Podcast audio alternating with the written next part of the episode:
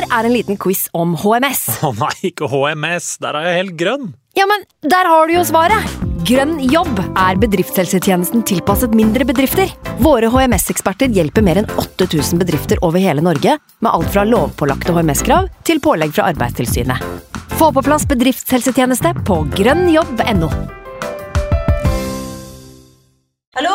Jeg kommer fra Oslo politikammer. Ine Jansen er purk. Er du purk? The motherfucking bitch. Alt jeg vil, er å finne ut hva som skjedde med mannen min. Jon Carew. Er jeg sikta for noe? Iben Akeli. Det er du. Ole So, Lars Berrum og Big Daddy Karsten. Hvem sin side er du på, egentlig? Anette Hoff, Tone Danielsen, Kommer du fra Afrika? Jørnis Josef, Nesten. Kløfta. Trond Espen Seim, Det er synd å si det, men det var feil mann som døde. Purk. Premiere tirsdag på TV2 Play. I can't believe it. Football, bloody hell.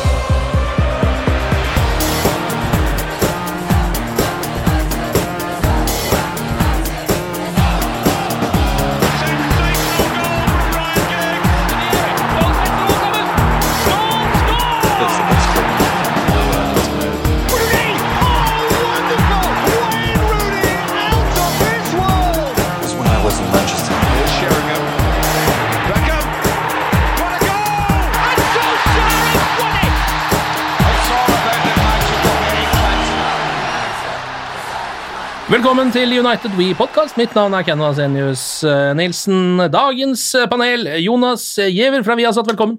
Takk skal takk skal du ha. Og også kjent fra La Liga Loca, podkasten for alle som er glad i spansk fotball. Det er jo fint at du er her i dag, siden det er et visst spansk mesterlag som er neste motstander for United også. Det skal vi snakke mer om i dag, selvfølgelig. Ja. Um, Mats Arntzen fra VG og Solskjær Studio, velkommen til deg Jo, også. hei, hei. Velkommen. Um, jeg var jo på et lite besøk hos deg og uh, så Watford-kampen. Ja, vi er jo en liten familie, så med Ja. en gang man begynner å ligge litt med hverandre, så blir det jo Så fortsetter man med det? Ja, man, man gjør det. Ja, man Men, tenk, men tenker dere på Clayton Blackmore underveis? Det er det Jeg tenker jo nesten alltid litt på Clayton Blackmore. Eh, Jeg har jo et eh, litt sånn eh, halvseksuelt forhold til Clayton Blackmore. Noen ganger så tenker jeg på Ja. han og får veldig, veldig varme tanker. Ja. Så Det er noe, en av de tingene som er litt rart for meg. Um, Det er jo litt rart. Det, er- det er jo det. det, det rare er jo at jeg vet dette her. Det er vel eh, det er kanskje det rareste. At du går og tenker på det like ofte som jeg tenker på Clayton Blackmore, så tenker du på at jeg tenker på Clayton Blackmore. Det stemmer nok. Ja, det stemmer nok, det. Um, overraskende god stemning her. Det er jo ikke så veldig god stemning eh, eh, akkurat rundt uh, Manchester United og Ole Gunnar Solskjær akkurat nå. Kanskje en av de tyngste periodene, eller?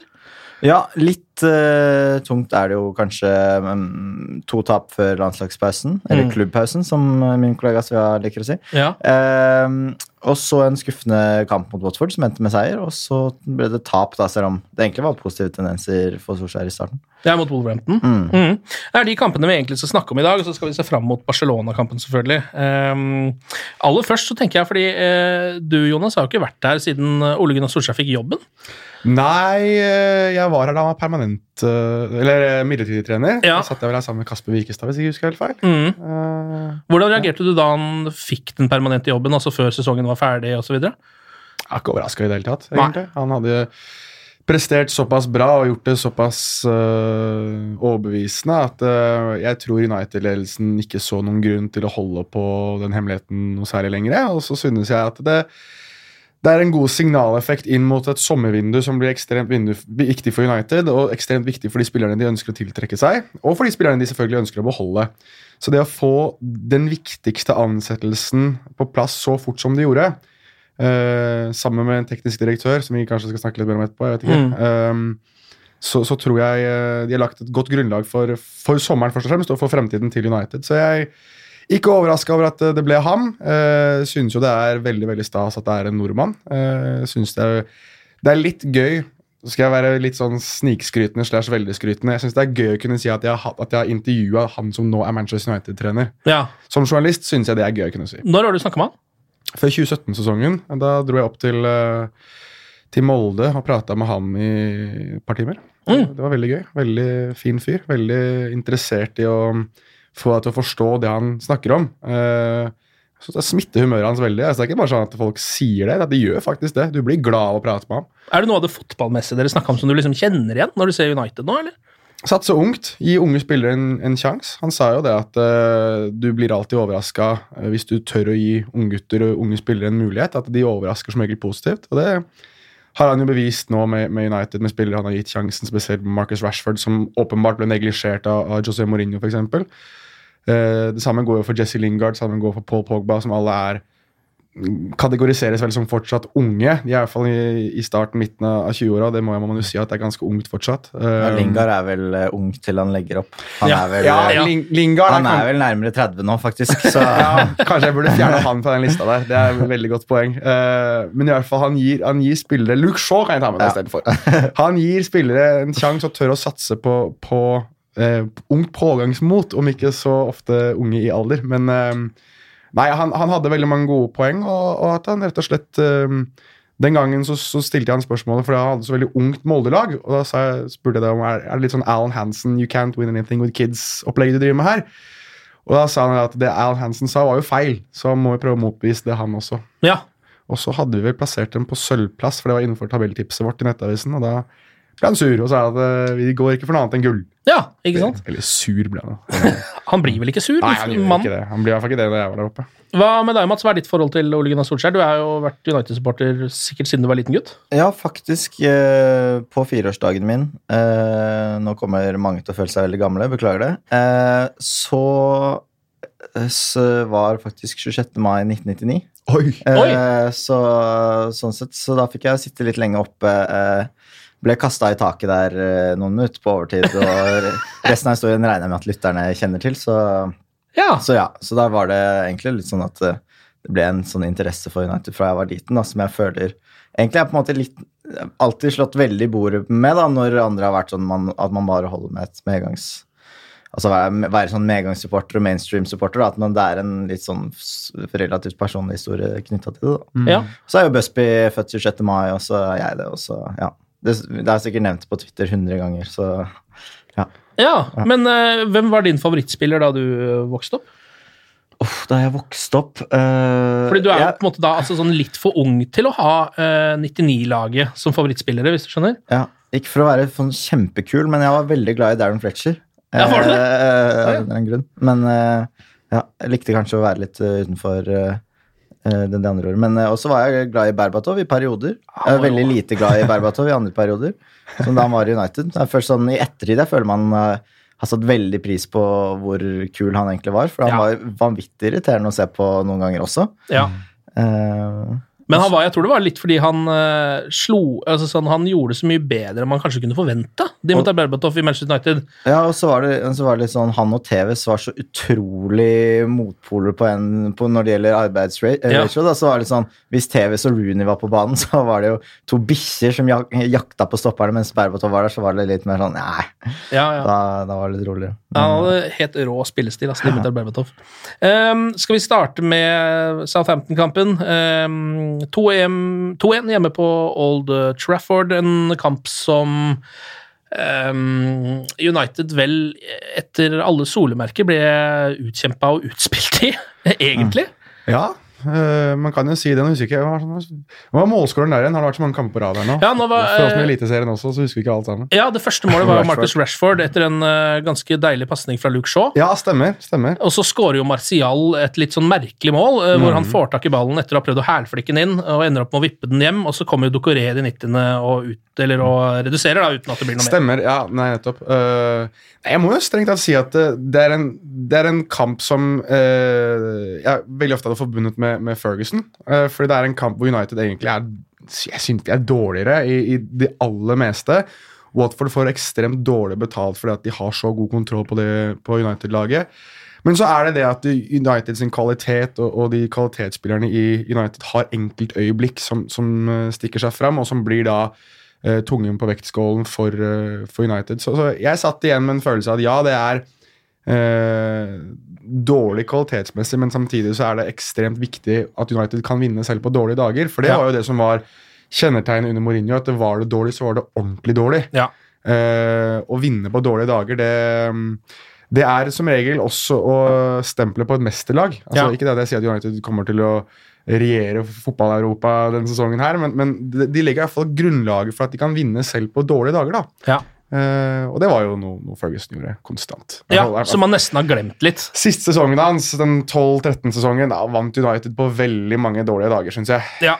Så, um, og da vant jo, var jo serien vunnet før sesongen var ferdigspilt òg. Mm. Så det um, uh, De legger grunnlaget og legger uh, noen av premissene for hvordan de i hvert fall skal angripe selv på dårlige dager. da. Hva tenkte du om kampen, Mats? Vi satt jo sammen i studio, og jeg var i hvert fall ganske nervøs helt fram til United skårte, i hvert fall. Ja, altså De 15 minuttene så er det jo bare egentlig litt presis dårlig presisjon av Watford som gjør at de ikke kommer gjennom flere ganger. Um, og litt sånn at Fred f.eks. kom inn nå mot Wolves. um, jeg syns Matic og Herrera altså, de gjør rett og slett ikke jobben sin. I hvert fall, hvert fall det første kvarteret, og de får ikke akkurat hjelp av Pogba heller. De klarer liksom ikke å, å tette det rommet der, og det er, altså, det er millimeter hele veien fra at de klarer å tre gjennom der. da. Um, jeg syns Smalling egentlig gjorde en ganske god kamp. Shaw var vel banens beste, vil jeg si. Uh, og så er det jo da et par øyeblikk med hvor Shaw finner Rashford, uh, med en glimrende pasning hvor Ja. Rashford viser hva han har å by på. Og så kommer United mer med inn i, inn i kampen igjen. Uh, I andre omgang så har de vel skåret på sin første sjanse. Ja. Omtrent eneste òg. Mm. Så ja, det var en litt heldig seier på mange måter. Eh, hva er det som skjer med, med Paul Pogba, egentlig, Jonas? I den kampen her så er han jo delvis borte. Det samme kan man vel si om kampen mot Wolf, som vi skal snakke mer om etterpå. Ja. Uh, det er et veldig godt spørsmål. Uh, Er det noe i den realflørten, eller du som følger spansk fotball såpass tett? Er det noe i den Real Madrid-flørten? Det, det er et veldig veldig godt spørsmål. Og det er jo litt sånn tiltalende at Zinedine Zidane snakker så åpent om det, og så blir han spurt like etterpå om Kylian Mbappé, og så sier han jeg snakker ikke om spillere på andre klubber. Ja. ja. Eh, og da Litt avslørt der. Litt avslørt. Og altså, at, Zidane har hatt lyst på Paul Pogba i en årrekke, det er um, Om det har vært en hemmelighet, så er det i hvert fall en utrolig dårlig bevart hemmelighet. Og eh, Jeg vet ikke om Pogba er sånn at han, han legger så mye merke til det, men det kan være at han har fått en formdupp, og at folk da selvfølgelig legger det på at det kommer en storklubb, eh, en, en landsmann som han har sett opp til. eh, som kanskje ønsker han i sin klubb istedenfor. Mm. jeg tror rett og slett at Paul Pogba har en, har en formdupp, og jeg mener eh, når han har prestert på et så høyt nivå som det han har eh, over så lang tid nå for Manchester United, enten han har skåret mål eller vært så delaktig i, i det oppbyggende spillet, og vært så vital for alt Manchester United har gjort offensivt, at eh, han da får en formdupp, legger man så ekstremt merke til, fordi at så mye av det måten United spiller på, er bygd rundt Paul Pogba. Ja. Uh, og det er naturlig det at en spiller som har eh, en så stor innvirkning på laget, også etter hvert vil begynne å kjenne virkningene av det. Vi må også huske at Paul Pogba var jo neglisjert igjen, da, altså som under Mourinho-tiden. altså En kar som nesten ikke hadde en rolle tidvis, til å nå ha den største rollen. Og han må jo på, på sett og vis også venne seg litt til det at han er ordentlig main man. Han har aldri helt vært det i noe lag han har spilt for. Altså I Juventus så var det ofte Vidal, Pirlo, Marquisio, det var mange han kunne måtte, lene seg på. Da han kom til Manchester United, så ja, han, han var den som kostet mest penger, men det var Zlatan som var den store da han kom inn. Det var han som han så til at skulle skaffe poengene for United, og det gjorde han jo. I Frankrike så er det vel på en måte Grismann som tar den derre Og Mbappé, ikke minst nå, da. Ja, På Frankrike så har han åpenbart en større rolle igjen, men, men samtidig der er det mer laget som er stjerna. da. Eh, og Der nevner du sånn som Griezmann. Han har også Kanté og Matuidi som gjør mye av løpinga foran. Ja. Så åpenbart, han trenger ikke å, å gjøre så mye av det defensive arbeidet hele tiden. Og man skulle jo tro at Matic og Herrera skal gjøre det for han i United, men når de ikke, som, som Mats var inne på her, når de ikke får det til å fungere heller, så ser man enda klarere at Pogba ikke får til det han skal. Så, så eh, Sånn blir det at når et system er bygd rundt én spiller, så blir, blir, det, blir det han som man legger mest merke til når han ikke presterer. Og jeg synes Hovedproblemet til Pogba er at han sliter med å ha mye virker som han sliter med å ha mye ansvar. fordi når han har mye ansvar, så, så blir det nesten litt påtatt at han skal få til så mye selv. Mens eh, når han har vært på sitt beste da, i Juventus og, og Frankrike, som du er inne på, så, så har han andre spillere. Han er på en måte en ekstra, altså en ekstra luksus de har i tillegg, hvor han kan bruke den ekstreme fysikken sin, de ferdighetene han har til å være noe ekstra, og ikke en som på en måte skal diktere spillet og være den som uh, er den viktigste mannen i alle spillets faser. da. Ja. Um, og det tror jeg at eh, Pogba ville løfta seg veldig hvis United hadde fått inn noen som tok enda mer ansvar på midtbanen. Da, at han eh, kunne være det og gjøre det han er best på, da. Eh, han har jo også, er jo den United-spilleren som nå har spilt eh, helt klart mest i løpet av det siste, fordi nesten ingen av United-spillerne spilte jo landskamper. Eh, det gjorde Pogba. Han spilte jo begge de landskampene i landslagspausen eh, for Frankrike. Eh, hadde jo en eh, par fine assists der og gjorde en god figur. Det kan jo hende det også er, at det er litt slitasje da, eh, i beina på Pogba. At han er litt sliten. Kan jo også være.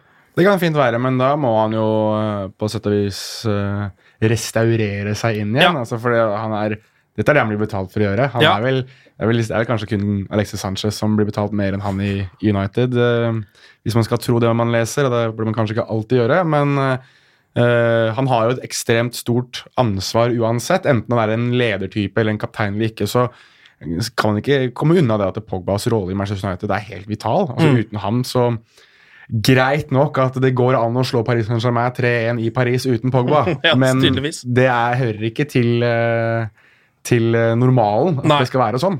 Nei. Og jeg tror United er helt avhengig av å ha en Pogba i ikke, Beklager, én Pogba, men Pogba i Og du er en som ikke liker at man putter én jeg syns foran. det er litt irriterende. i- Men du gjør det selv. Eh, Nei, men ja. glem nå det, i hvert fall. La oss gå videre i sendingen. Pogba i form mot Barcelona, da. Hvis det kan, som sannsynligvis blir ryggen mot veggen store deler, så tror jeg den, så kan man ikke forvente at Luke Shaw skal slå Rashford gjennom uh, hver gang. Nei. Så da tror jeg at man er avhengig av uh, én Pogba. Én Pogba. Helst to, kanskje Ja. tre. Uh, skal vi ta og dele ut noen poeng til Manchester Uniteds eh, beste spillere, eller? ja. Uh, etter eh, kampen mot Southampton pleier jo de å gi da ett poeng til den tredje beste, to til nest beste og tre til den som var best på Manchester United. Har du lyst til å begynne, Mats? Ja, eh, tre poeng går da til eh, årets eh, jevneste spiller, Luke Shaw. Ja. To poeng går til Smalling. Rett og slett det samme argumentasjon som jeg var inne på i sted, at midtbanen rett og slett ikke hang med, og at det var Ja, han rydda mye opp i det, og så er det Rashford da, som skårer det første målet og gjør at Ja, kampen snur for United, da, når de henger virkelig i tauene. Noen innsigelser på det, Jonas? eller? Eh, ikke egentlig. Sånn som sånn jeg hadde, så hadde jeg Rashford foran Smalling. Men ellers så er jeg akkurat sammen som det Mats har. altså. Ja. Det var ikke noe tvil om at Luke Shaw, som jo har vært Uniteds beste i eh, mange kamper, og det, som du er inne på, Mats, eh, den, en av de aller jevneste også um, Var det fjerde gang han vant uh, mannsspiller nå, eller var det Ja, det kan faktisk hende. Jeg må, må si en ting om Luke Shaw. Altså at uh, altså Han var jo den som ble snakket om både under Louis van Hall og under José Mourinho, at det var feit og dårlig trent. Måtte hadde- fjernstyres. måtte fjernstyres og hadde ikke mentaliteten til å bli en toppspiller. og Som hadde alle attributter nødvendig, men som rett og slett ikke hadde mentaliteten. og, og så er det liksom litt sånn fugl føniks over han nå, at Mm. han bare stiger over. og, og hvis du tenker venstrebacker, engelske venstrebacker, så altså Jeg finner ikke så mange som er bedre enn han akkurat nå. altså. Nei, Eller i Premier League. Generelt. Ja, altså, Det er Robertson som Ja. er bedre, åpenbart, Ja. i Liverpool. Og så har du Hvem andre? Nei, eh, det er vel ikke så mange nå. Nå har jo Marcos Alonso gått på en formdupp av de sjeldne. Eh, så jeg holder Luke Shaw ganske høyt der nå. Altså, han er jo, Og så er han jo, som du var inne på tidligere, Jonas, også fortsatt ung. Eh, løser jo mye av liksom det man, Vi trodde jo vi hadde et uh, back-problem som gikk på både høyre- og venstresiden. Nå er det vel høyresiden man må konsentrere seg om. Stemmer. Så det er i hvert fall bra. Eh, nå har jo da altså Martial og Rashford sine mål eh, mot, eh, mot Watford eh, gjorde jo da at eh, det nå er tosifra eh, antall mål i Premier League hos fire eh, Manchester United-spillere.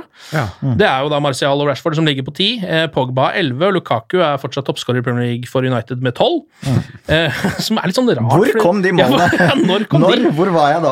Ja, det er litt rart. Det. en kompis av meg som, sa, som er veldig stor Everton-fan, som sa til meg da han signerte fra Everton, han sa at du kan glede deg til at han skårer 3-4-5-0.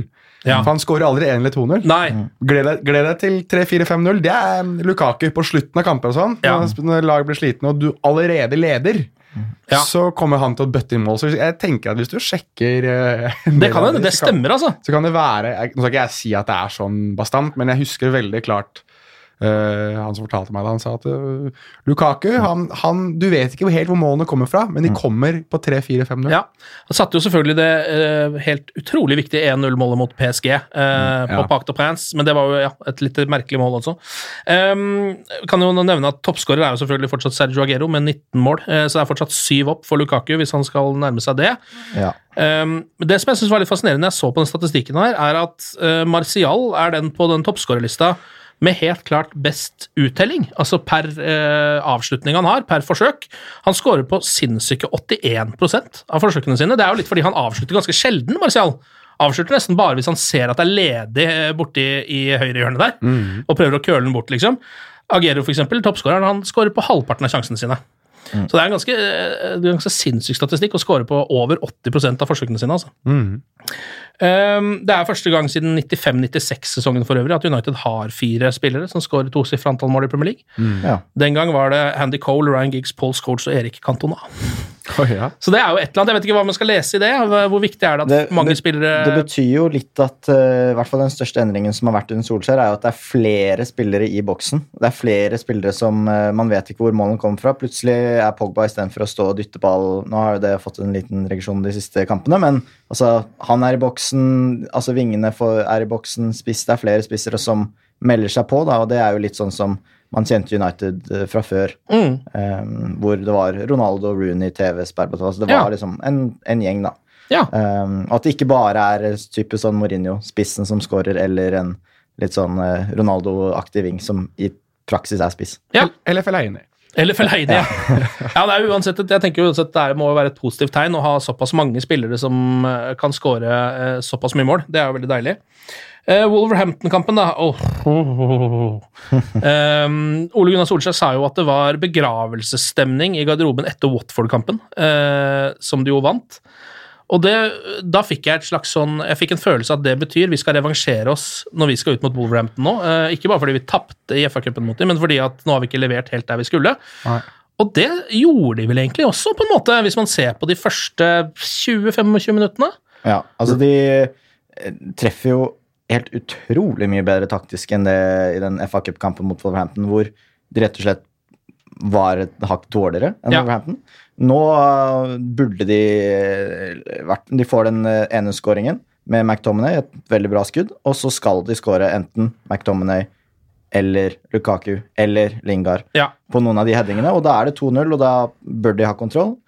Isteden så surrer Fred det til, Mm. og så surrer Young det til. Og så klarer i hvert fall Smalling og Jones og De Hea å kløne det til. Ja. Så uh, Ja. har, Man har snakka om at Solskjær har vært heldig med det expected goals har vært lavere enn antall mål. Sånn var det ikke mot Wolverhampton. Nei. Nei, det, altså, jeg, det var jo flere som begynte å snakke om en tactical masterclass av Ole Gunnar Solskjær helt fram til det ble 1-1 i den kampen.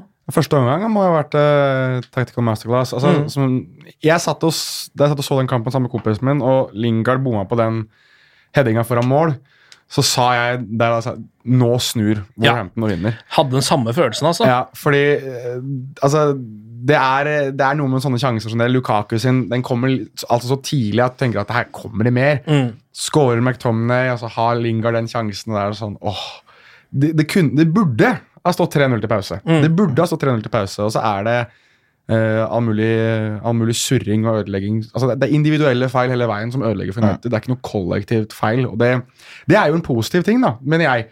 Når, du, når det faktisk er eh, det individuelle. For jeg, tror, jeg har alltid ment at det er enklere å rette opp indi, individuelle feil enn rene kollektive feil, for da er det noe flere må rette på sammen.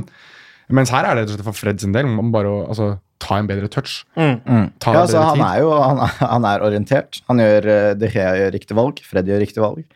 Så er det bare dårlig touch. Mm. Ja. Einar-touch, som Hulske Hulsker kalte det i studio. Ja. Eh, eh, men eh, så syns jeg egentlig de gjør riktig etter den utvisninga til Young òg. Jeg er glad i den eh, varianten hvor de trekker, får tre stoppere og to wingbacker, fordi det kamuflerer litt mer at de har ti mann. Jeg vet ikke om jeg husker den kampen hvor City eh, under Manzini fikk eh, ti mann og egentlig rundspilte United i andre omgang. Var det den kampen United leda 3-0? Så ble det 3-2, og jeg lurer på om det var Scholes comebacket. om jeg ikke Ja, det husker kan feil. Eh, og i hvert fall da, da fungerte det veldig bra for de, og det, man så det så lenge det var 1-1. Man merka ikke at United var ti mann før scoring til Wolves kom. Da bretta de ut, holdt på ballen, og United kom jo aldri opp engang. Så Nei. Men, men det er interessant at Solskjær uh, valgte å forsøke en, eh, en 3-5-2, syns jeg. Mm. Uh, man har jo sett litt tendenser til det før, men, men eh, Så ut som han tok uh, Wolves på senga. 3-4-2 ble det jo, da, siden det mangla Ja, Ja. Men han, ja. Men han gikk jo også ut i en 3-5-2 og prøvde å matche Wolves sin uh, formasjon fra start, gjorde han ikke det? Nei, det var fordi Fred var dyp, i så fall. Det var vel Ja. en 4-3-3. Men uh, det, Syns du det var Altså, Fred var ikke midtstopper. Uh, ikke McTominay eller Pogba heller. Nei. Um, Men Young var vel Young, jeg tror Dalot lå vel som, ving som wing. Ja, jeg tror, men jeg tror Young lå som en tredje midtstopper. Young spilte stopper Ja. der, altså. Ja. Ja. I så fall var det fleks, øh, fl Veldig fleksibelt, veldig Ja. fleksibelt Ja. definitivt. Men jeg, jeg synes i hvert fall det, det var en tendens til en 3-5-2. Ja. Altså, alt ettersom hvordan du ønsker å sette opp, da, så syns jeg den Trebecks-linja som det til tidvis var med, med Youngs Smalling og Lindelöf, den var eh, det, var, det var imponerende å se at han utfordret Nuno Spirito Santo på det som har vært deres forskjell denne sesongen her. Å spille 3-4-3, 3-5-2, bre ut. United ønsket å matche det i langt større grad enn de klarte i, i FA Cup-kampen. Uh, og det synes jeg de har kjempegod kontroll på, i, uh, spesielt i første omgang. Så begynner det å falle litt sammen fordi Jota er Altså, Jota er Diego Tristan eh, mot Manchester United. Altså, for de som husker eh, i tidlig 2000 Deportivo la Coronia mot Ja. United. Diego Tristan og Diogo Jota de, er, de var veldig gode og er veldig gode fotballspillere sånn generelt, men mot United så bare er det et eller annet som skjer med dem. Altså. Ja. De bare blir helt ekstremt gode. Det, Ja. Ja, Jota er jo helt håpløs med, fordi altså, jeg har sett en mann i mange kamper og egentlig gått og frustrert meg litt over han, de gangene hvor man håper at Wolves skal ta et eller annet Ja. lag. lag. Eh, men akkurat mot United så er det, eh, er det Ja, han, han er liksom eh, Diego helt, Tristan. helt brått Diego Tristan. da. Det er jo helt umulig å, ha, å, å få kontroll på han. Ja. Eh, som er litt merkelig. Jeg vet ikke helt hva som gjør at det er sånn. Men det er uansett et godt tegn for United at eh, Solskjær ser hva som ikke fungerte med Wolves, mot Wolves i den første kampen. Eh, tar grep på hvordan de spiller seg ut og hvordan de forsvarer seg, og så og endre på det. Og at det lykkes, da, i utgangspunktet. Ja, fordi det, man kan vel Ut av denne kampen så kan man jo trekke altså veldig mange forskjellige konklusjoner, selvfølgelig, men en av de man vel bør trekke, er vel at Ole Gunnar Solskjær gjorde en god jobb. Det, jeg. ja, jeg er enig i det. Det er jo individuelle feil som vi er inne på som gjør at han ikke stikker av med seieren i denne matchen. Noen bommer eh, og mye rart som eh, skjer både med Fred og Young. Ja, og så er det, altså Den utvisninga på Young er jo skjebnesvanger, åpenbart. Men, men det jeg, jeg eh, biter meg mest merke i, er at det i sånne bortekamper, når du har ryggen mot veggen, spesielt i andre omgang Det er de kampene hvor f.eks. Liverpool pleide å tape før de fikk Virgil van Dijk. Ja. Fordi de hadde ikke en leder i forsvaret som selv om man, man skal ikke ta for mye effekt av det, men det, men det å ha en som hyler og skriker og bretter opp ermene litt og går først i krigen, skal ikke undervurdere det. Og jeg synes ikke Smalling har altså Vi kan snakke opp og ned om hvordan, hvor god og hvor dårlig Chris Smalling er, men han har ikke det i seg. Lindeløf kan kanskje få det i seg, men han har ikke det per nå. Og Ashley Young er ikke god nok til å ha det. Og jeg, og jeg mener, hadde du hatt en sånn type bak der, da uh, en, en type som Kolibali, som man snakker om, en type som Umtiti, som Manchester United nå skal møte i, i, Champions League Hadde man hatt en sånn kar som hadde gått litt først og slått seg litt på kassa og sagt at nå flytter vi den linja her fem meter opp, og vi styrer, så tror jeg man hadde kunnet i hvert fall seile inn eh, i hvert fall uavgjort resultat, om ikke en seier. Ja. Nei, det er jo um, altså sånn, Det som er litt synd med det første, altså tabben til Fred, da, som jo jeg føler er den som snur kampen Ja. sånn i utgangspunktet. For der har United ok kontroll. De skal bare seile inn uh, til pause med den ledelsen. Alt skal være greit. Eh, men det er, jo, det er vel ingen som blir overraska over den missen, er det det? Vi har sett, dette her har vi sett før fra Fred.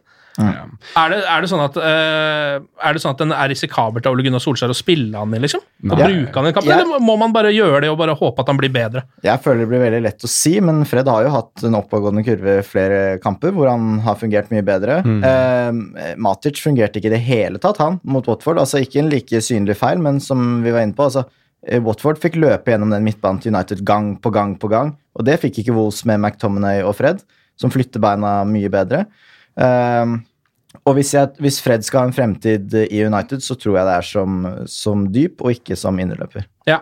Så man må bare venne seg til dette Premier League-tempoet og skjerpe inn touchene sine, så blir det bra. han, han må jo det. Eh, det. Jeg vet ikke om det går på selvtillit eller Fordi altså, en sånn feil Fred har jo, er jo åpenbart god nok teknisk Ja. til å ikke gjøre den feilen. Ja. Så da er det jo noe mentalt, enten at han ikke er påskrudd eller eh, er nervøs eller et eller annet. Mm. Um, så det, det går det an å fikse på. Hva med eh, en så rutinert mann som Ashley Young, som går inn i den taklinga der? eh, ja, Ganske forståelig. Og at han slipper ballen ut til McTominay i utgangspunktet. Når, eh, for å, altså Da må han få den i støtte, og så blir jeg Ja. nesten overraska over at han får den i støtte igjen. Ja. Eh, Istedenfor å bare snu og, hvor det er, og bare ta vare på han. ja, for han slår jo en pressa ball til McTominay også. Ja, Som har press på seg, og Ja. så har Young litt press på seg i tillegg. Så det er litt sånn Du bare gir bort ballen, fordi Ja. da slipper du Du tar ikke ansvaret sjøl, og det å da gi det til McTominay når du er kaptein for Manchester United, eh, rutinert mann på og godt over 30 år, Mm. Eh, er kritikkverdig, rett og slett, må man kunne si. Ja. Den andre taklinga der, altså den, det, andre, det, kunne vært direkte rødt kort også. altså. Ja, det kunne jo det. Ja. Det er jo knotter inn i ankelen der, er det ikke det? Eller le- oppå leggen hans. Ja. Mm. Um, og så er det jo det, altså, det komiske vinnermålet til Wolfstad, vi må jo ta med det, hvor uh, Phil Jones uh, legger fram alle grimasene han har i repertoaret sitt, og det er mange, eh, mens han snubler ballen bort mot Chris Smalling. Som snubler ballen inn, mens Hva er det David Sklir sklir, hva, er det David, hva er det han driver med der? David Egea går ut i en slags Stjerne. ja, en, en omvendt stjerne. Han prøver å gjøre seg så liten som mulig. Han Ja. krysser beina sine. Så, um, ja, det ser ut som han ah, Nei, jeg vet Han ikke hva jeg skal si. han har ikke vært imponerende på lenge, syns jeg nå. Altså. nå han har ikke, jeg jeg syns ikke han er blant Uniteds fem beste spillere i år engang. Så, Så svak syns jeg han har vært. Og det er eh, Nå har man veldig høye forventninger til Høya, da.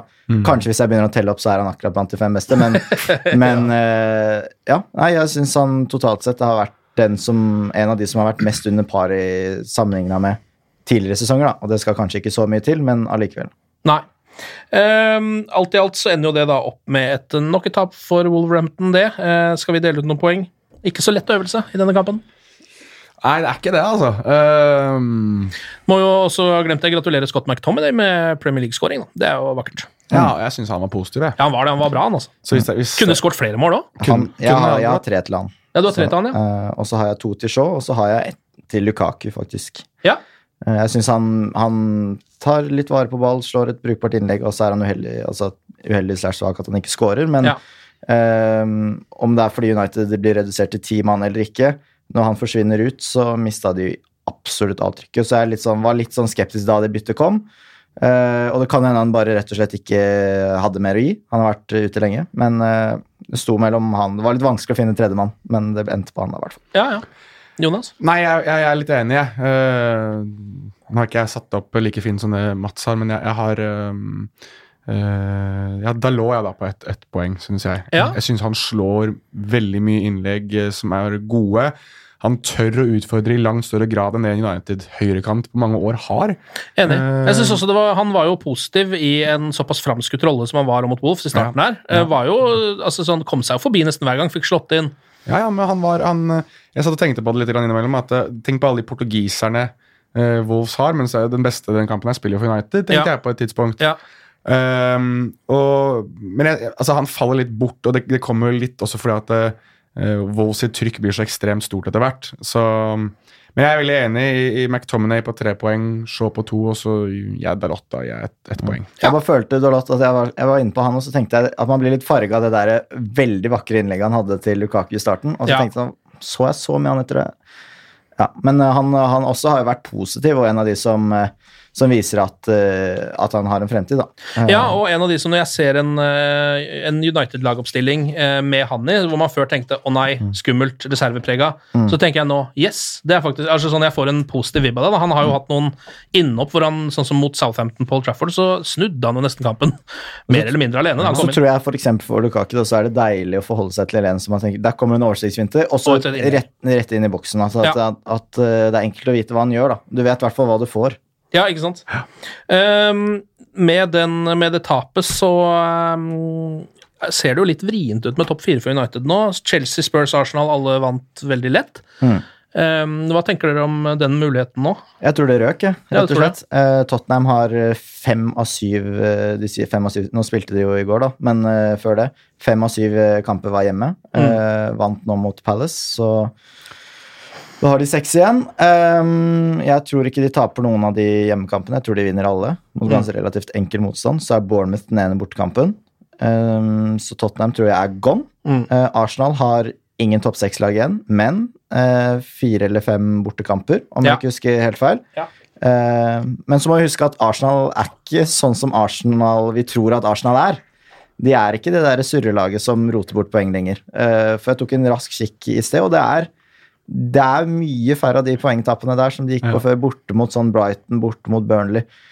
Så vi ser da hva Palace og Brighton og eh, litt sånn klarer å stelle stand. Watford, når Troy Deeney er jo motivert når han møter Arsenal, i hvert fall. Ja. Så, men det må gå et par skreller til der, og allikevel skal United vinne Det som er. eh, det som er, og de har igjen både City, og Chelsea hjemme. Ja. Så. Det ser tungt ut, Jonas. Nei, jeg tror ikke det går. Eh, Nei. jeg gjør ikke det, altså. Det, jeg prøver på en måte å finne historier som kan eh, redde United litt. Grann, av at uh, Chiellini som står og snakker om at uh, Is the history of Tottenham? sånn, at de gir seg på slutten. Og at Ona Emery er veldig flink til å drite seg ut i enkeltoppgjør og sånn. Men uh, Ona Emery i Sevilla og Valencia tok de vel eh, til Champions League med, med begge lag. og Ja. Uh, Tottenham altså det, Du skal ikke undervurdere den der nye giv med den hjemmebanen og den fantastiske eh, seremonien og alt som var i forkant av den Crystal Palace-kampen. Jeg satt og sa at hvis de taper det her nå Ja, det er Fytte rakkeren, altså. For det var eh, Og den stadion er jo Fytte Den er fin. Ja, Ja, altså, der snakker du state of the art. Altså. Ja. Det er fantastisk fint. Og Tottenham var veldig gode òg, syns jeg. Ja, de var det. Eh, de var kjempesolide. Med unntak av én gang slupp, var det vel, som eh, de slapp gjennom, så var det jo Problemet med den kampen der for Tottenham del var det at alle ville skåre det første målet på ny stadion. Ja, når Kane plutselig skal ta frispark foran Eriksen og Trippier, så, Ja. så Altså, det alle ville skåre da, det første da målet. ble i hvert fall hierarkiet der eh, enda tydeligere enn det var fra før av, kanskje. Ja. Ja, nei, men Den ser vrien ut, den der nå, men hva har det på mål, altså sånn, vi, hva har det å si for f.eks. transfermarkedet, tror dere? Det her er jo ren synsing, men å komme utenfor Champions League-plass? Ingenting. Du tror ikke det? Nei. Nei.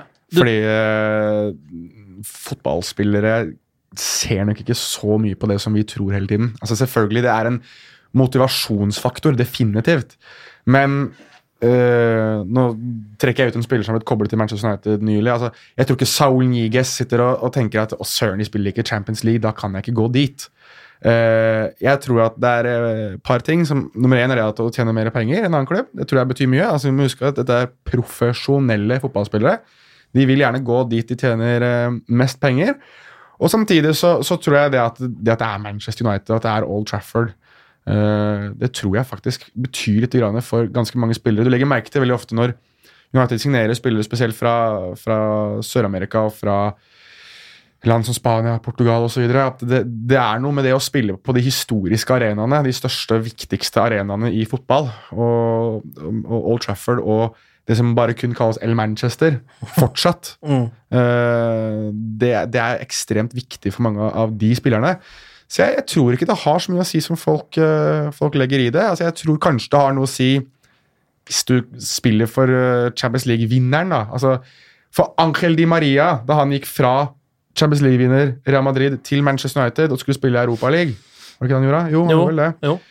Så tror jeg pengene hadde veldig veldig mye å si. Enda mer. Jeg tror at de, de måtte betale en liten premium ekstra for å få Di Maria. Men Manchester United er en av de klubbene som kan gjøre det. Mm. Det eneste som, som jeg tror kan være vanskelig for United sin del, er eh, å, å få spillere som har lyst til å Altså store spillere av, av høyt høyt kaliber fra Champions League-klubber til å titte bort på den der, eh, lønnen til Alexis Sanchez og si at vel, jeg, jeg skulle egentlig spille Champions League. Det skulle ikke han. Ja. Han tjener 500 000-400 000 pund i måneden. Jeg skal ha million. Ja, jeg skal i hvert fall på ja, hvis, hvis jeg er da Saul Niguez, hvis jeg er Jaden Sancho, da Vel, du så hva jeg gjorde for noe i fjor. Hva gjorde han for noe i fjor? Ja. Jeg skulle spille Champions League. Mm. Det skal ikke han. Mm. Så jeg lurer på om United må betale en god del mer uh, på grunn av Alexis Sanchez. Så, så um, det er liksom der skoen trykker litt for United sin del. At uh, de, de, de har satt seg selv i en, i en ekstremt vanskelig situasjon. Og da er spørsmålet skal de gjøre det de kan for å få fjerna Sanchez. Og hvis ikke de skal fjerne Sanchez, hvordan skal de da forsvare for andre spillere, også i sin egen klubb, som skal ha nye kontrakter? De Gea, at de skal. De Gea, Pogba, at de skal tjene mindre enn en kar som bidrar like mye som det vi tre gjør for Manchester United akkurat nå. Ja, ja. ja. Ja, eh, også, um, jeg er helt enig som spiller som Jaden Sancho, Declan Rice, om det er liksom der man skal unge spillere som har 10-15 år på seg å, å, å vinne noe i Champions League, da, så tror jeg ikke det er noe problem. Uh, så har du sånne ekstreme tilfeller, som sånn si ve veldig teoretisk, da, om United skulle hatt Buffon, så hadde ikke det vært aktuelt, fordi Nei, for han han da han gikk til PSG, så var det for de han ville være i en klubb som fortsatt kunne Ja. vinne Champions League, Ja. og fordi Stenchen er en bedre keeper, da. Ja. Eh, og så kanskje det finnes noe midt mellom der, som Grismann for eksempel, hvis det skulle vært aktuelt, som har noen år igjen, men samtidig ikke så mange år hvor han er på sitt aller beste. En treårskontrakt så er det kanskje en nedadgående kurve, så kanskje et par ryker, mens andre er for. Og når du snakker om det med Sanchez, da, eh, så tror jeg altså det er viktig sånn Det kan jo være en fordel hvis det kommer en sånn teknisk direktør, da, at man kan si ja, men nå er det faktisk nye tider. Det, vi er ferdig med det tullet der. Altså at nå, nå skal det ryddes opp. Nå, det er ferdig, slutt på spillere som på så høye lønninger, da, des, sånn, nærmest desperat høye lønninger, på sånn gamblingprosjekt som Ja. Alexis. Eh, men som du sier, det er, det er viktig å, å få rydda opp i det der, få rydda opp i den strukturen og, og for fordi ja, det skaper mye problemer videre. Jeg leste, jeg leste en morsom teori. Eh, eller morsom morsom, spørs hvordan du ser på det. Jeg husker ikke hvem som skrev det, og det var en engelskmann eh, som pleier å være veldig flink, men jeg husker bare ikke navnet hans i farta, som skrev litt om Sanchez-overgangen. Eh, om hva som egentlig lå i bakteppet der. Fordi Fernando Felicevic, som er agenten til eh, Alexis Sanchez, hadde kommet med disse ekstreme kravene til United og City for hvis jeg skulle hente han. For overgangssummen fra Arsenal var ikke et problem. Det var det at Sanchez ville ha så høye lønninger.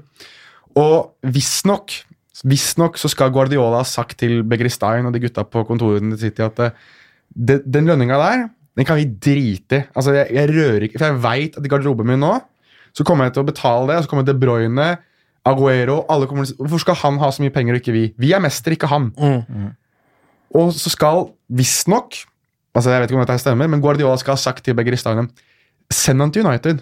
Få dem til å gjøre det. Så lager vi kaos der istedenfor. Ja. Så City bare kastet Bare la seg helt flate. Vi, vi har ikke råd. Egentlig, vi har ikke, la United ta han. Og Woodward, som den karen han er, og United med, med Mourinho, som vil ha en, en signalspiller inn. Fikk inn det, fikk inn lønninga hans, og fikk inn alle problemene som kom med ham. Ja. Så ehm, det er tydelig at eh, når du snakker om teknisk direktør og en, en, en fotballkyndig person på toppen, over Solskjær igjen også det er eh, altså, Jeg sa at Solskjær er den viktigste ansettelsen United gjør. Det er i hvert fall Den tekniske direktøren er nummer to på lista. Ja, Er det, noen som vet noe mer om hva som skjer der? Fordi eh, altså Det har jo lenge vært planlagt at Manchester United skal ha en eh, såkalt director of football, teknisk direktør. Ja. Hva er det siste på den fronten? Er det noen som har eh, lest noe nytt? Mike Phelan har vel nevnt? Mike Phelan nevnte sa i dag at United måtte ha en teknisk direktør. Ja. Um, nå rakk jeg ikke å lese selve saken, men han uh, sa i hvert fall det. Han sa overskriften. Har du lest saken? Nei, Jeg har ikke lest saken, men jeg har lest at han er foreslått. Ja. At han er foreslått som en, som en Det har jo blitt mer og mer tilsynelatende at United vil, vil ansette innenfra. Mm. Bout har blitt nevnt, så er han eh, sjefsspeideren, er det han her? Marcel Bout. Eh, og så er det han eh, sjefen for ungdomsutviklinga, Mm. eh, eller akademiet der, også har blitt nevnt. Ja. Ikke bøtta? Nei, det er han ehm, eh, Ja, jeg kan, jeg kan finne det mens dere Ja. prater. Eh, i, I hvert fall, Det er vel, det snakkes mer og mer om at de har gått fra en director of football til en teknisk direktør. At de har byttet om navnet på stillingen litt. Grann. Og Det skal vel kanskje også være fordi at denne direktøren skal kunne jobbe veldig tett på, tett på og med Solskjær. Og Da må det jo være en, en kar som Solskjær stoler på, og som uh, kjenner til etoset Manchester United-typ. da. Mm. John Murtog. John Murtog, ja. ja. Uh, og det er vel en type som Murtog, en kar som Marcel Baut, som kom inn sammen med Louis van Hall, av alle, uh, er nok det som man sikkert titter nærmere på. Men, men Mike Phelan som en direktør hadde nok vært ganske så perfekt, egentlig. Fordi han at han er den som binder sammen United som spiller under Ferguson. Som assistenttrener under Ferguson. Som han har, han har stått litt på egen hånd etter United eh, Eller at Ferguson ga seg. Har han prøvd seg litt grann som trener og som akademisjef et eller annet sted. Og som direktør. Han har liksom hatt litt ulike roller. Og så har han kommet inn og, og egentlig passer helt sømløst inn i United igjen med Solskjær. Så det, det virker mer og mer åpenbart at han er en kar som kunne tatt en sånn rolle. Spørsmålet da er jo Forsvinner han fra feltet og skal ha ansvaret for alt mulig annet?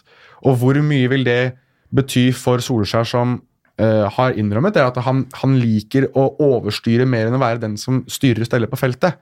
Han har ikke noe imot det, men, men han, er liksom, han sier jo selv at når han har litt perspektiv og kan overstyre litt og gå inn enkeltsteder og heller la en annen styre majoriteten av treninger, f.eks., Som jo er Ferguson-modellen, det også. nettopp, så er han mer komfortabel. Det er derfor han på en måte, jeg, derfor jeg tror i hvert fall da, at han har Fielen, han har McKenna, han har Carrick, han har Mark Dempsey, som han også ville ha inn. Og jeg tror det er ganske åpenbart at han ville ha inn såpass mange på feltet, fordi da kan han overstyre. Ja. Og jeg tror Fielen er den som, som er sjefen på, på feltet, og forsvinner han, så hun skal ta over da? Men samtidig er det er Carrick og McKenna som, som styrer treningene. da. Det sa han jo i, til Skau og Aune, blant annet. Eh, At det er de to som har full kontroll på treningene. Jeg sammen med Dempsey, som har sine oppgaver, osv. Mm. Men for United så føler jeg det handler om totalpakka. Da. Folk snakker om titler og hva altså er det sånn, altså titler i form av om det heter sportsdirektør eller om det heter teknisk direktør. Det er jo først og fremst hvilke roller er det United har, og hvilke områder er det de trenger hjelp. Og for meg så virker det mest som at det er en tydelig rød tråd. eh, At man får eh, luka ut de ekstreme feilene de gjør i lønninger, i kjøp. Altså eh, At de får luka ut det, at de trenger kanskje noen som uh, ikke er manageren, som ikke er den som sier hvem han vil ha, og ikke Woodward, som åpenbart har sine mangler der, da. Som det er tydelig tegn på de siste årene. At det kommer inn en mellom der, da, som kan eh, finne ut hvem er det United trenger, og hvordan går man frem og løser de problemene der. Det virker som den opprydninga vi eh, har vært inne på at trengs, den kommer nå. eh, til sommeren, virker det som. Det virker som det er som han derre Nagelschmidt i heimebane som har eh, styrt økonomien der de siste årene. Bare sånn Nei, vi bare dunker på et par millioner til. Nagelsmitt, han er fin. um, men det virker som den kommer nå. Nå er det jo snakk om veldig mange spillere som skal ut. Det blir jo en av de største opprydningene på en fem-seks år, tror jeg, i klubben. Ehm, sannsynligvis. André Rerra er kanskje på vei ut. Det er PSG det er snakk om. Man vet ikke hva som ligger i det ennå, uh, i de ryktene, om det blir noe eller ikke. Uh, andre folk som er på blokka, er jo selvfølgelig Alexis Sanchez, som var inne på. Det er Mata. Uh, Rocco, som jeg hadde glemt at var United-spiller. Jeg, Ja. sånn, jeg måtte gå inn og google her på, en gang på høsten. bare sånn, Er han lånt ut, eller er han ikke han, hvor, har han, han han, er, Og det, var litt sånn, og det samme måtte jeg gjøre med Darmian nå. Ja. sånn, er han lånt ut, eller Ja. er han fortsatt her? ja, de har, de, og han må fort spille nå, da, når Shaw Young er ute. Ja, og, Ja, nå er jo både Shaw og Young er jo suspendert neste Premier League-match. Da får vi plutselig se både Valencia og Darmian, kanskje. Ja, Eh, Valencia lever òg, ja. Ja. Da, Valencia spilte jo landskamp nå. Han har jo sagt at han var skada, men det var han tydeligvis ikke. Eh, Eller han har ikke sagt det, det er vel Solskjær som har sagt det. Eh, Men det er jo en, en smørbrødliste, for Elaini har allerede dratt. Så det er jo litt sånn, virker som det er noen omveltninger i klubben nå, da, men uh, jeg syns det mest interessante å snakke om er det du allerede har vært inne på, nemlig Alexis Sanchez. Ja. Jeg føler det er der skoen presser, da. Hvem vil ha han, syns jeg er det mest Ja, eh, interessante Hvem vil ha han? Hva- er alternativene her, liksom? Kina, kom på banen! ja. Nei, de alternativene er jo altså Hvor lang kontrakt er han har, da? Kan han f- treårskontrakt etter en sesong? Eller noe Sikkert. sånt? Altså, Han kan jo fint finne på å gjøre en Winston Bogarde. Bare sette seg på bare Well, betal meg. ja. Altså, Jeg spiller ikke bare betal. Det er vel det er amerikanske begrepet F you pay me', som mm. er et eh, som man fint kan gjøre. Men, og det er jo litt det jeg tror United kommer til å bli tvunget til å gjøre. At enten så må de eh, bli enig med en klubb altså Jeg vet ikke om dette her er noe som vanligvis gjøres. Dette er jo noe som man selvfølgelig gjør ofte på Football Manager. Hvor du blir enig om å selge en spiller til en klubb, og så blir du enig om å betale så og så mye av lønna hans så og så lang, lenge av tida. Jeg vet ikke om, om, det er noe som uh, Ja, sånn, ja. skjer uh, vanligvis. Jeg er Så dypt i forhandlinger med klubber har jeg aldri sittet eller vært, eh, så det kan jeg ikke si noe konkret på. Men, men det er vel en, en eneste løsning, da. Mm. Uh, eventuelt håpe at det er noen som er såpass spinnville i huet at de har lyst til å ta den lønninga. Uh, eventuelt om Alexis Sanchez selv sier at jeg kan gå ned litt i lønn for å gå til en annen klubb. Ja. Men er ikke han en spiller Han har i hvert fall vært kjent som en spiller med veldig sånn ambisjoner, en veldig ærlig spiller sånn sett. Alexis Sanchez. elsker å spille fotball. Ja, det er jo Eh, det man sier om han altså, han elsker var- å trene, elsker å spille. Hater jo å sitte på benken og, og, og sånt, egentlig. Ja, det er jo det Eh, de sier, så liksom, Da vil man jo tro at han kanskje uh, er en fyr som ville kutte litt penger for å få spille for en ålreit klubb. Ja, men Det spørs litt. Grann, altså, for, for Alexis Sanchez så er det ekstremt stor prestisje å spille for Manchester United. Altså, det er det, altså. Ja. Han har, snakker ofte om det i intervjuer, også i, i Chile. og Tror du han fortsatt uh, har en slags tanke om at dette skal gå? Ja, Ja. 100% Han vil ikke liksom gi seg, på en måte? nei, nei, nei. Litt av utfordringen er jo på en måte selv om han spiller bra, så vil han eventuelt da stå i veien for Martial eller Rashford. Ja. Eller, altså det er liksom det er litt vanskelig, da, at hvis han skal være på en måte fast i elveren til United, så går det på bekostning av noen andre som Ja. er åtte år yngre og, og, Og åtte år bedre. Mm. Ja. Ja. Så, men altså, han kan fort plutselig få en god sommer, han, og, og, og heve seg, men så er det igjen de problemene med lønninger. altså Det er andre utfordringer som er knytta opp til andre ting enn bare eh, om man presterer på bane eller ikke. Som kanskje er enda større problemer. Ja. Problemet med Alexis Sanchez er jo altså Dette jeg snakker litt, skrevet litt om på Twitter, blant annet. At det, Sanchez har vært god og vært best i klubber der alt er bygget opp rundt ham. Der han får lov til å komme og hente ball. Der han er det fremste angrepselementet. Der det er Sanchez, Sanchez, Sanchez. Altså Se på Arsenal under Wenger. altså Ballen skulle innom Sanchez i hvert bidige angrep. altså. Selv om det var Mesut Özil som hadde ballen, så skulle Sanchez i hvert fall ha en touch før han ga den tilbake til Özil. Det var litt tendenser til det i starten da han var i United, var det ikke det? Jo, men da var han jo også ganske god. Ja. Altså, ikke Helt i starten av United-karrieren så hadde han et par gode kamper. Og tenkte man at å, her har United endelig funnet uh, nye stjerner. Og så, og så skulle man bygge angrep på en litt annen måte, og Sanchez skulle spille en litt annen type rolle litt lenger ut på kant. Han skulle ikke så mye inn sentralt. Altså, Sanchez i, i Barcelona var best han fikk lov til å bevege seg inn i midten, og så fant Lionel Messi ut at der, der er jeg også best, så du må ut på kanten. Og da øh, ble Sanchez begrensa, funka ikke. Gikk videre til Arsenal, der fikk han lov til å være i midten, fikk lov til å bevege seg fritt. Skårer masse mål, er Premier Leagues kanskje beste spiller på et tidspunkt. I Udinese også, samme opplegget. Altså, alt var Sanchez. Skåret fire mål i en kamp for Udinese og sånt, fordi det var Alt skulle gjennom ham. For Chile han er vel, ja, nå er han tidenes toppskårer for det chilenske landslaget. Fordi alt sammen skal gjennom Alexis Sanchez. Fordi Sanchez får lov til å gjøre som han vil med ballen. Fordi rollen til Sanchez er helt fri og helt uh, Altså Det er så luksuriøs som du får det, egentlig. Ja. Og, og i tillegg, eh, både problemet hans og Di Maria er de er spillere som prøver på veldig mye på siste tredelen. Da, som prøver å vippe igjennom og prøver å ha den avgjørende pasningen. Altså, det, er mye assist og målpoeng i, både, i begge to. Eh, men jeg føler at felles for både Mourinho og van Gaal var at de tillot ikke de feilene. da. At, Mm. For fordi det blir også en del balltap og en del sånn Hele stadion bare åh, Ja, altså, ja. I tillegg, og hvis det forsterker seg, så, så tror jeg du mister den, den edgen som Di Maria og Sanchez for eksempel har. da. Mm. Du var innom eh, Barcelona og Lionel Messi, eh, Jonas. Ja. Det er onsdag, det, så er det i realiteten. Eh, På Old Trafford så kommer da storfint besøk fra FC Barcelona. Eh, Etter å ha tapt mot Wolves. Hva tror du om den kampen der? Spilte Barcelona 4-4 mot Villarreal, som ligger på plassen over nedrykk da, i midtuka. Ja, så der, er, det fins muligheter. De lå under 4-2, eh, og så kommer det to mål på overtid. og det- Messi har skåret tre frispark som han bare har limt i krysset. tre kamper på rad. ja. Og kan si hva man vil om United, men de har ikke en spiller som har limt ballen i krysset tre kamper på rad. Nei. Eh, Så Nei. Nei, Hva er Uniteds muligheter der, da, Jonas? Du følger jo dette laget her, som alle spanske lag. Ja, Muligheten altså, det, er, altså, det er alltid en mulighet, men eh, det jeg har sagt hver gang jeg har blitt spurt i enten formell eller uformell setting rundt Barcelona og United, er det at hvis Lionel Messi har lyst til å vinne det, det oppgjøret her, så vinner Lionel Messi det oppgjøret her. Ja.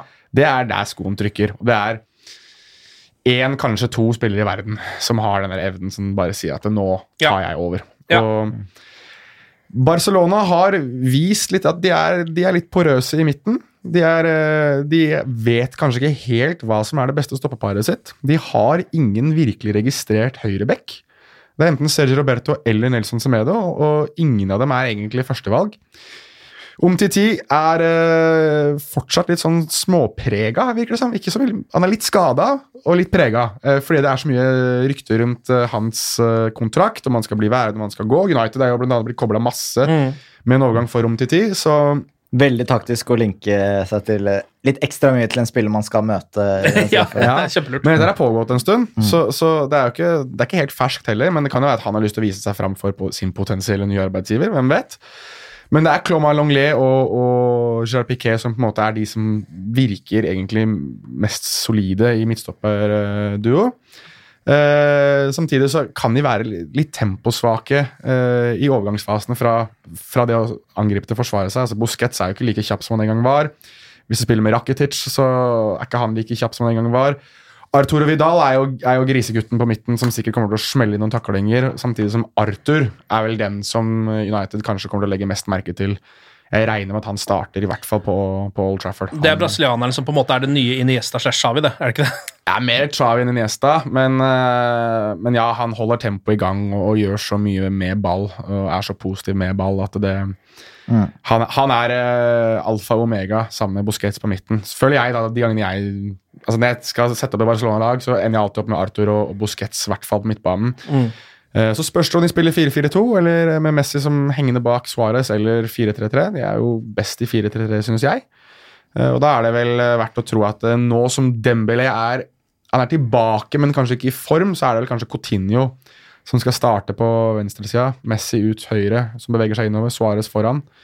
Og ja, Arthur Busquets og Rakitic, tror jeg. Men det er, er det et, altså sånn Barcelona, hvis de, de har noen svakheter, er liksom, de kan vel være litt utsatt for kontringer, kan de ikke det? Jo, definitivt. Og det så man spesielt med Villarreal, som hadde to veldig kjappe spisser i, i Samuel Chukwese og Carl Toko Kambi, som tok Barcelona på løpetur gang på gang på gang på gang. på gang, Og de sleit og de sleit de sleit mot uh, Villarreal hver gang de fikk spilt opp i kontringsfase og, og hadde én mot én, to mot to-situasjoner. Der, der var virkelig Villarreal overlegne Barcelona.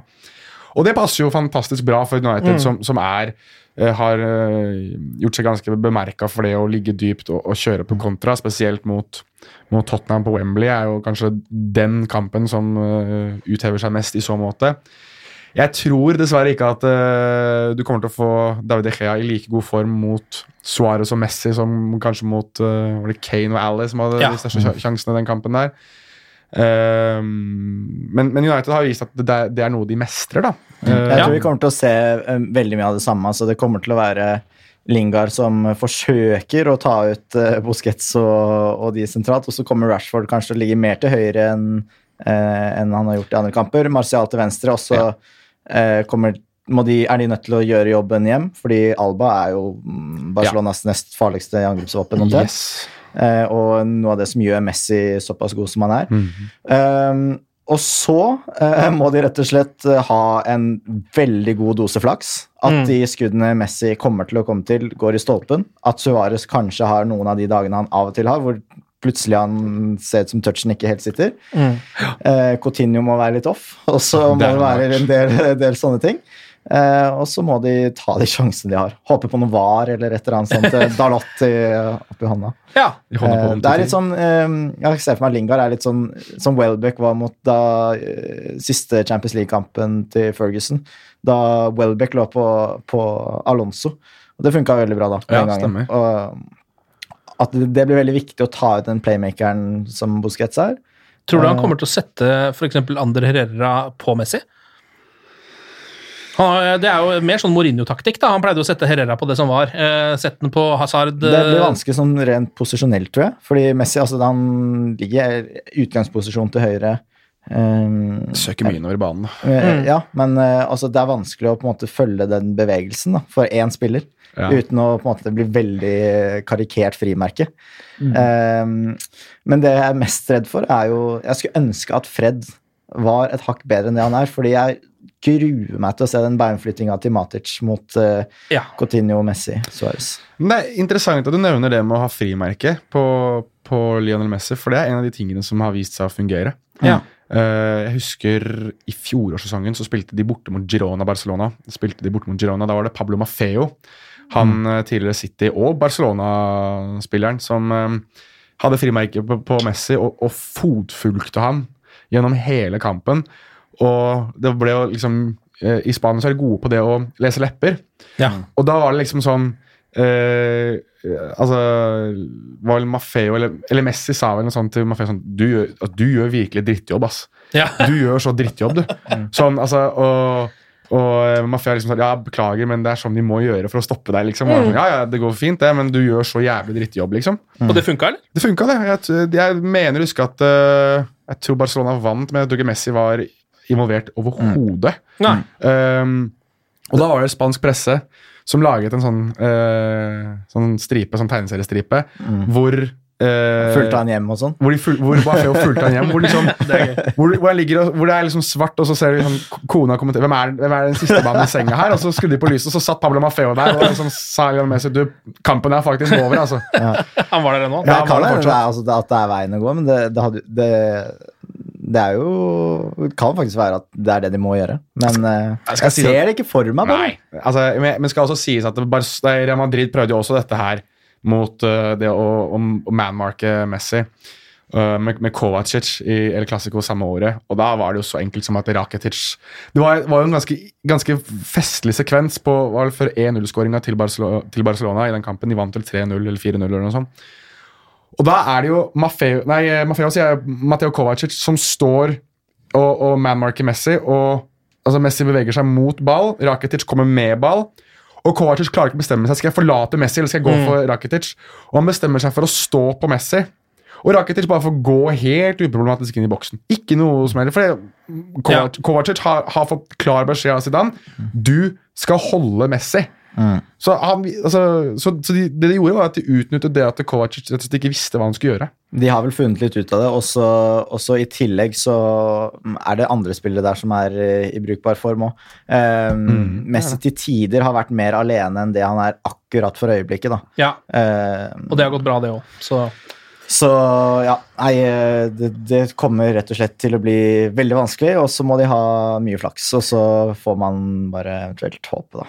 tenner et eh, lys for eh, hjerteproblemene til alle Manchester United-supportere der ute. Altså, Når man sitter og blir stressa hver gang Diogo Shota har ballen, så kan det bli spennende å se når Lionel Messi får ballen under flomlyset på Old Trafford. Ja, men, altså, hvis man kan gi United-supporterne noe som helst form for noe de kan hvile seg med, så er det det at de får i hvert fall se Lionel Messi på Old Trafford. Ja, ja da. Og det er, altså, det er en begivenhet i seg selv å se Lionel Messi spille fotball. Det er faktisk det. altså. Ja det ikke at man skal, jeg skal sitte her og være så veldig sånn pro La Liga, pro sånn og sånn. sånn. Eh, men, men vi er faktisk ganske heldige som får se det han holder på med. For det er tidvis sånn at du sitter og rister på huet og lurer på altså, hvordan er det menneskelig mulig. Ja, og nå er han vel altså i den beste formen. Han, altså Det sier man jo nesten øh, uke etter uke, da, men han er i grisegod form. Altså, Lionel Messi har alltid hatt to med seg hele veien. Altså, Xavi Niesta, Neymar Suárez det er de som alltid har fulgt han, og de gangene han vant El Triple, altså La Liga, eh, Spanskecupen og Champions League, så han hatt disse duoene med seg. Det snakkes jo nå om at eh, Barcelona er, kommer til å vinne La Liga. De er i Copa del Rey-finale. Og hvis de vinner alt sammen en gang til nå, så er dette Messis største bragd som fotballspiller, fordi han gjør det nesten egenhendig. Ja. Altså det er eh, Suárez, som Mats var inne på her, han er ekstremt hit and miss om dagen. altså. Det er sånn Han går fra å være verdens beste spiss til å Innenfor samme kamp, gjerne. ja, ja, helt riktig. Innenfor, gjerne ofte innenfor samme kamp. Han, altså, han kunne ikke spilt for siden du var inne på det, han kunne ikke spilt for Varg IL engang. ikke? Altså, og Dembélé, enten forsover han seg til trening, eller så er han skada. Coutinho ligner ikke grisen på det han gjorde i, uh, i Liverpool. Han har vært falt helt igjennom. Så hvis Lionel Messi skulle klare å ta dette Barcelona-laget her til de tre, så er det nok Messis absolutt største bragd som fotballspiller. Og jeg mener, kontrasielt nok, han skåret 96 mål i en og samme sesong, ja. Men dette her, det Messi gjør nå, er det beste jeg har sett av Lionel Messi som fotballspiller. Punktum finale. Det blir deilig. det blir deilig. Vi gleder oss til onsdag, folkens. Eh, krysser fingra. Håper på Jeg håper på 0-0. Ja. Det hadde vært deilig. Det er fint utgangspunkt til kamp nå. det er helt nydelig, det. Tenk på, tenk Paul Scholes og dunken i gresset. Å, det hadde vært enda bedre. Ok, vi kan jo drømme. Glory, glory.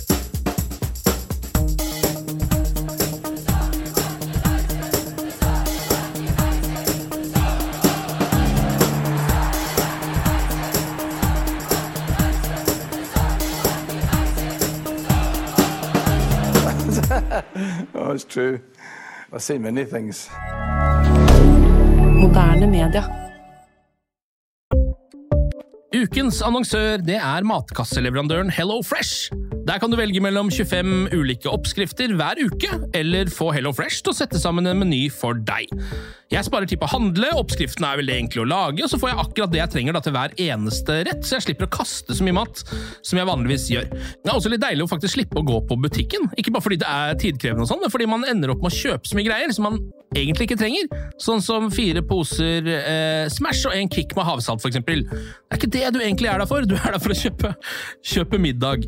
Så det er en veldig eh, kjekk ting. I tillegg så er det jo eh, ferdigporsjonerte ingredienser, det blir mindre matsvinn, og du betaler bare for det du faktisk trenger, og det du faktisk da spiser. I tillegg så blir det da levert på døra.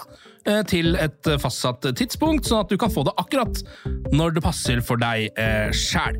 Hvis HelloFresh høres ut som noe for deg, så har jeg en rabattkode du kan bruke også. Gå inn på hellofresh.no og bruk koden HelloUnited24. HelloUnited i ett ord, også 24, og få opptil 1779 kroner i rabatt på de fem første matkassene dine hvis du ikke har prøvd HelloFresh ennå. Du kan også bruke koden hvis du tidligere har vært kunde, men har stoppa abonnementet ditt for tolv måneder siden eller mer. Det er ingen bindingstid, og du kan pause eller avslutte abonnementet ditt akkurat når du selv måtte ønske. Husk koden HelloUnited24, og bon appétit! Ukens annonsør er Folio, en smartere banktjeneste for deg som har en egen bedrift eller ønsker å starte for deg selv. Folio er en superenkel nettbank for bedrifter. Som kunde i Folio får du en bedriftskonto med et bedriftskort og app. I denne appen er det smarte løsninger som forenkler regnskapet ditt, uansett om du har en liten bedrift eller et enkeltpersonsforetak. Folio er både intuitivt og brukervennlig, og er laget med et enkelt språk. I tillegg tilbyr de forutsigbare priser og ingen skjulte gebyrer. Skulle du likevel trenge det, så kan du snakke med deres raske og hyggelige kundeservice, og der får du prate med en faktisk person og ikke en chatbot. Folio er med andre ord både enklere og koseligere enn banken. Over 10 000 bedrifter har allerede valgt Folio som sin banktjeneste, så besøk folio.no og se hvordan Folio kan forenkle din hverdag også. Har du et enkeltpersonforetak eller en liten bedrift? Da er du sikkert lei av å høre meg snakke om hvor enkelt det er med kvitteringer og bilag i fiken, så vi eh, gir oss her, vi. Fordi vi liker enkelt. Fiken superenkelt regnskap.